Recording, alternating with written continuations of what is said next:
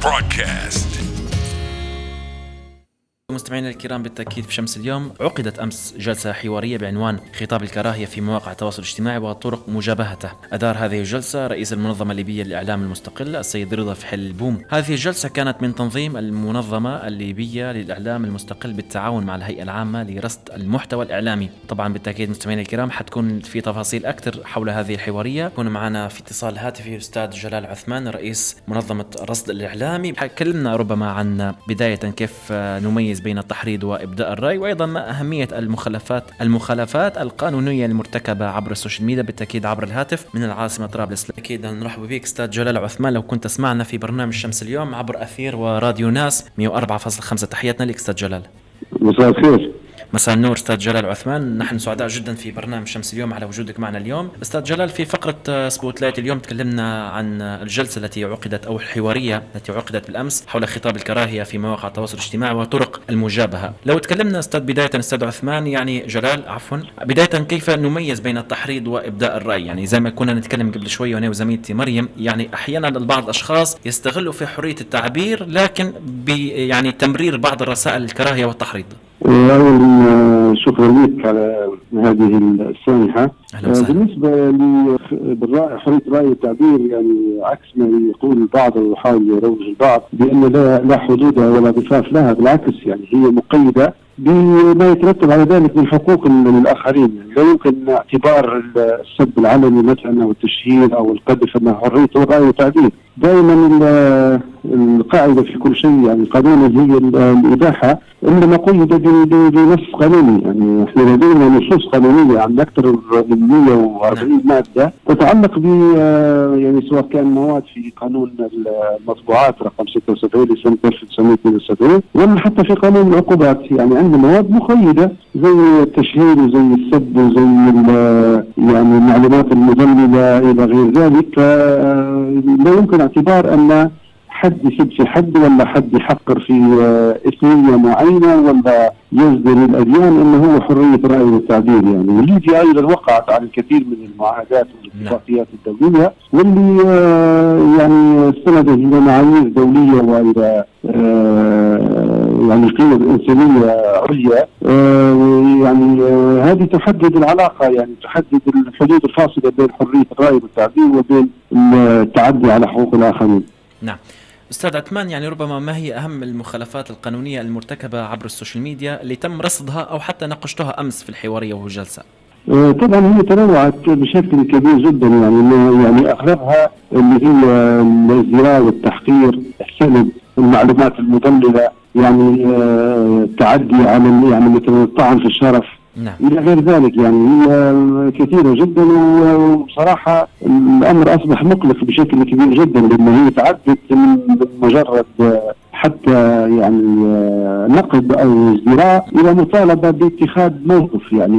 وهذا في علم الإعلام. بصراحة أخطر أنواع الرسائل الإعلامية اللي هي المطالبه باتخاذ موقف معين يعني. كان يكتب شخص في السوشيال ميديا معلومة عن شخص ما ويطالب مثلا ب أو يحرض عليها أو يطالب باعتقالها أو يطالب بالاعتداء عليه فصراحة يعني هذه الكثير من الأشياء حتى اللي سببت مشاكل للنشطاء اللي بعضهم الآن خارج البلاد وبعضهم يتعرض إلى تشويه يعني متعمد لا بشيء إلا لأنه هو يعني شخص قاعد يعطي من وقته تطوعيا لخدمه قضايا المجتمع. تمام سيد جلال كيف يتم التعامل معاهم اللي مثلا يبت في الخطاب الكراهية أو إنه هو يشوش أو إنه هو يحب يزرع الفتن والحقد؟ كيف يتم التعامل معاهم قانونيا؟ هو قانون للأسف الشديد يعني حتى كان معنا مجموعة من القانونيين وحتى من خلال تجربة السابقه آه القانون الليبي للأسف يعني آه ما فيش نصوص آه تتعلق يعني جرائم السب والتشهير على على وسائل التواصل الاجتماعي أو على الإنترنت أو من خلال الوسائل الالكترونيه زي الإيميل أو غيرها. وهذه هذه طبعا يعني يعتبر يعني أمر لازم معالجته على مستوى الجهة التشريعية. إحنا شفنا قانون مثلا اللي صدر البرلمان في السنتين الماضيتين اللي هو قانون الجرائم الإلكترونية ولكنه كان قانون نعيب وإحنا انتقدناه سواء مؤسسات حكومية أو مؤسسات عفوا مجتمع مدني أو ك يعني أكاديميين انتقدناه لأنه هو ما كانش قانون للجرائم الإلكترونية اللي هي تتعلق بالجانب الفيزيكي أو الجانب الفيزيائي زي الاختراق زي السطو على الشبكات زي مثلا الابتزاز المالي من خلال الوسائط الإلكترونية. هو كان فقط يتعلق بالرأي لم ينتقد مثلا البرلمان أو ينتقد الشهماء أي. وهذا وهذه طريقة طبعا طبعا وكان للأمانة لم يتم عرضه على المختصين وخرج بشكل معيب جدا يعني. وحتى ما فيش توافق مع وللأسف مع لهذا السبب لهذا السبب سيد جلال إنه مخلي يعني عدم وجود القانون أو عدم آه يعني هناك قانون إصدار قانون حماية الآخرين من هذه من هذا الخطاب الكراهي ومن من هؤلاء أو العصابة. نسمي فيما نعرف صراحة بعض من العصابات اللي من خلال الشبكات الإلكترونية اللي هم خلف الشاشات اللي هم يبثوا في الكراهية ويبثوا في كل ما هو آه، سيء. ولكن للأسف هذا ما يجعلهم إن هم يتمادوا لعدم وجود قانون. يعني سيد جلال هذا ما يجعلهم يتمادوا. طبعا آه، طبعا في في أكثر من 40 ماده وبعضها حتى مواد سالبة للحرية يعني هي فيها تشديدات مغلظة في القانون الليبي ولكن فيما في يعني حاجة اسمها السب في المحررات مثلا في الحاجات المكتوبة. نعم. وهذه لا يمكن القياس عليها بالنسبة لل لل في الوسيط الإلكتروني. يعني يجب أن تكون هناك ترسانة من القوانين اللي تواكب ما حدث في العالم من تغيرات ومن تقنية العصر. مواكبه للعصر صحيح. صحيح وإحنا طلبنا طلبنا يعني إحنا مثلا أنا كنت عضو في لجنة آه، أعداد القانون الإعلام. وتقريبا تقريبا 85% جاهز وحنعرضوه يعني للمواصله نعم. وحنعرضوه على عدد من من النشطاء والأكاديميين والمؤسسات الاعلاميه نعم. وبالتالي نتمنى أنه هو ربما البرلمان القادم أو حتى البرلمان هذا كان الأول يتم عرضهم عرض هذا القانون عليهم بحيث انه يأخذ طريقة نعم. يصبح قانون نافذ يعني. وبصراحه هل نشتغلوا عليه من من 2019 نعم. ولو ولو بإذن الله تم يعني إصدار هذا القانون من الجهة التشريعية حيكون بصراحة جامع مانع لأنه هو متوافق مع المعايير الدولية ومتوافق مع المتطلبات اللي هي في العصر هذا في كل شيء يتعلق بالنشر الإلكتروني والراديو والتلفزيون والصحافه المطبوعة. نعم، أستاذ جلال عثمان يعني كونك رئيس الهيئة العامة لرصد المحتوى الإعلامي بالتأكيد هناك سؤال يعني يتبادر لذهن بعض المستمعين اللي يستمعوا فينا توا في برنامج شمس اليوم ويقولوا يعني شنو الأسباب ربما اللي تخلي المحتوى الخطاب التحريضي والكراهية ينتشر بشكل كبير كالنار في الهشيم وكيف نقدروا يعني تكون في مجابهة مواجهة لهذا الخطاب؟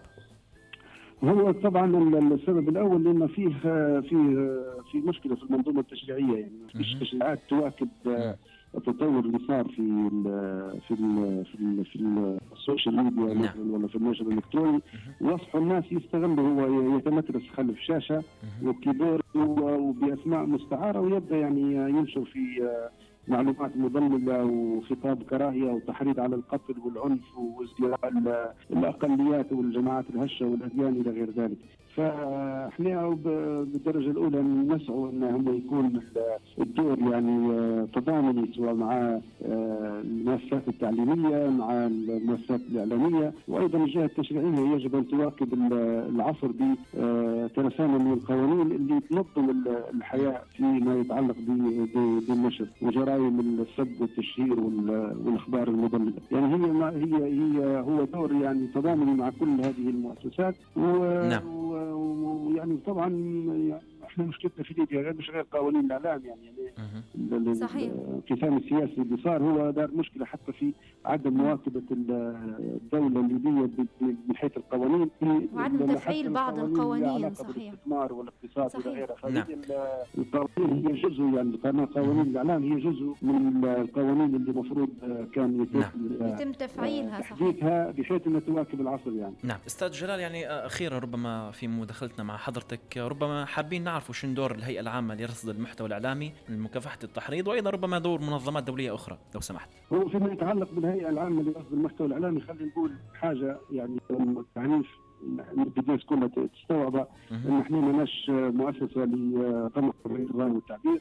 نحن مؤسسه لضبط الجودة. يعني بمعنى بسيط جدا. صحيح. نحن آه، نرفض الرقابة القبلية لأن الرقابة القبلية آه، يعني لا تتوافق مع المعايير الدولية والقوانين حتى قوانين محلية. لعلمك إن قانون المطبوعات رقم 76 لسنه 72 يرفض الرقابة القبلية. رغم انه قانون قديم وما فيش الجانب الجوانب الإعلامية سواء كانت السمعية والبصرية وقانون المطبوعات ولكنه يرفض الرقابة القبلية. أيضا الاعلام الدستوري يرفض الرقابة القبلية.